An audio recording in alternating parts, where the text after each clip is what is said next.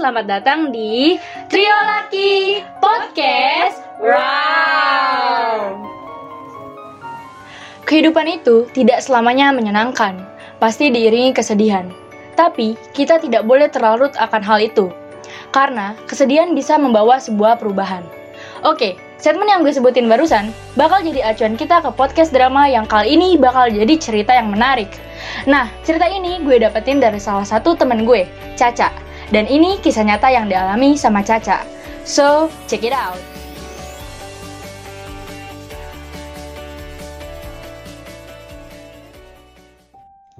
Setelah sekian lama nggak ketemu sama teman-teman gue, akhirnya kita merencanakan reuni.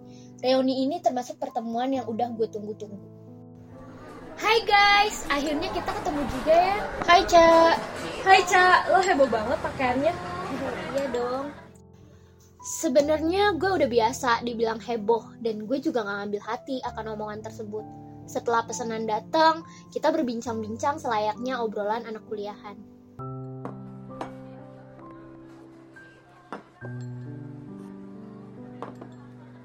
Makasih mbak. Makasih ya. Eh gimana kuliah kalian? Seru gak? Kuliah di UI seru sih, anak-anaknya sederhana, tapi itu ternyata pada kaya-kaya, rumahnya gede banget. Biasanya emang gitu nggak sih? Yang miskin justru yang heboh. Kalau jurusan kalian gimana nih? Eh Han, lo nanti jadi psikolog ya? Eh eh, kalau lo kan dihukum tuh, jadi kayak Hotman Paris kan? Eh kalau lo Rick, sastra Belanda, ntar ke Belanda ya? Enak dong. Eh terus kalau lo Cak, ilmu komunikasi jadi MC, MC badut ya? Ah, parah Loris, tapi bener juga ya. Jadi ntar kalau anak-anak kita ulang tahun, panggil Caca aja, ntar dia jadi MC badutnya. Perbincangan tersebut bikin gue nggak mood sama makanan gue. Karena apa yang mereka omongin barusan bikin gue ngerasa direndahin. Di saat perbincangan lagi serius dan membahas masa depan, bisa-bisanya mereka ngerendahin jurusan gue. Karena dia sendiri sebenarnya nggak tahu apa-apa terkait jurusan gue. Eh, gue balik duluan ya, bokap gue udah jemput. Gue juga nih mau ada urusan. Ya udah kita balik aja semuanya, sampai ketemu guys. Dadah! Sampai rumah, perbincangan tersebut masih terngiang-ngiang di pikiran gue. MC Badut, yang heboh yang miskin. Hah, sehina itukah gue? Serendah itukah gue? Kok bisa-bisanya temen deket gue dari SMA yang ngomong langsung kayak gitu ke gue? Yang menurut gue itu adalah sebuah hal yang merendahkan. Keterlaluan. Kayaknya gue harus cerita deh. Mah, kak, aku mau cerita deh. Kenapa Cak? Cerita aja. Kenapa lo? Emang bener ya jurusan ilmu komunikasi nanti kalau lulus jadi MC badut? MC badut itu kayak gimana sih? Siapa yang bilang? Ah, enggak lah. Kata temen aku nanti aku gede jadi MC badut karena jurusan aku ilmu komunikasi. Aneh banget yang ngomong kayak gitu. Berarti temen lo wawasannya kurang.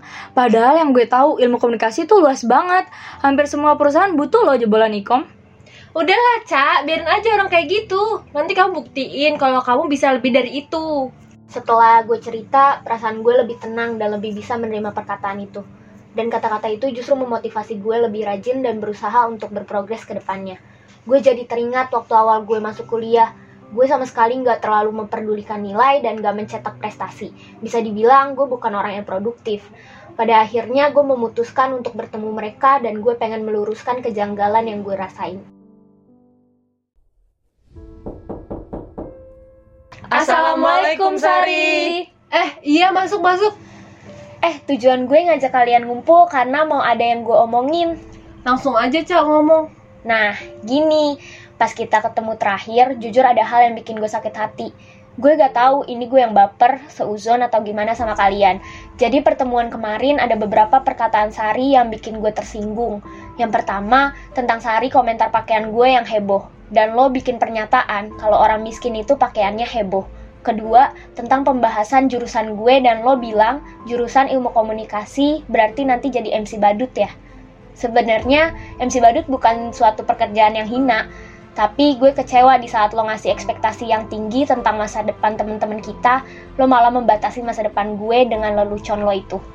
Gue sakit hati dan sedikit kecewa sih. Hah? Emang iya, Cak? Perasaan gue gak ngomong kayak gitu deh.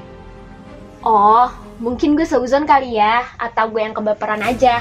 Ya udah, gue minta maaf, tapi gak apa-apa juga sih dengan perkataan lo yang merendahkan, gue jadi semangat buat bangkit. Dan kalau suatu saat nanti gue sukses, lo orang pertama Sar yang gue ucapin makasih karena perkataan lo bikin gue semakin berprogres. Sedangkan gue inget betul kejadian dan perkataan itu dia lontarkan dengan jelas di depan muka gue sendiri. Mungkin dia lupa, tapi bagi gue perkataan itu gak akan pernah hilang dari benak gue. Gue ngerasa mental gue dimainin sama pertemanan yang gak sehat ini. Akhirnya, gue memutuskan untuk keluar dari circle tersebut. Semenjak itu, gue mulai produktif untuk menyusun masa depan gue. Gue mencoba untuk mengikuti beberapa kegiatan, dimulai dari organisasi, lomba, dan membuat liputan. Sampailah gue menjadi MC di event internasional. Well, ladies and gentlemen, now we have come to the end of this seminar. I'm sorry for some mistakes. Thank you for your coming and your nice attention.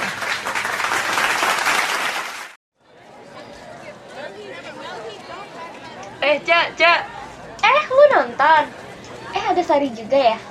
Eh, eh, iya. Sumpah, Cak, lo keren banget. Gue sampai speechless liatnya. Thank you loh, Sar. Berkat omongan lo juga nih. Detik ini juga gue merasa bersyukur dengan kejadian waktu itu. Dan perkataan Sari yang membuat gue ada di titik saat ini.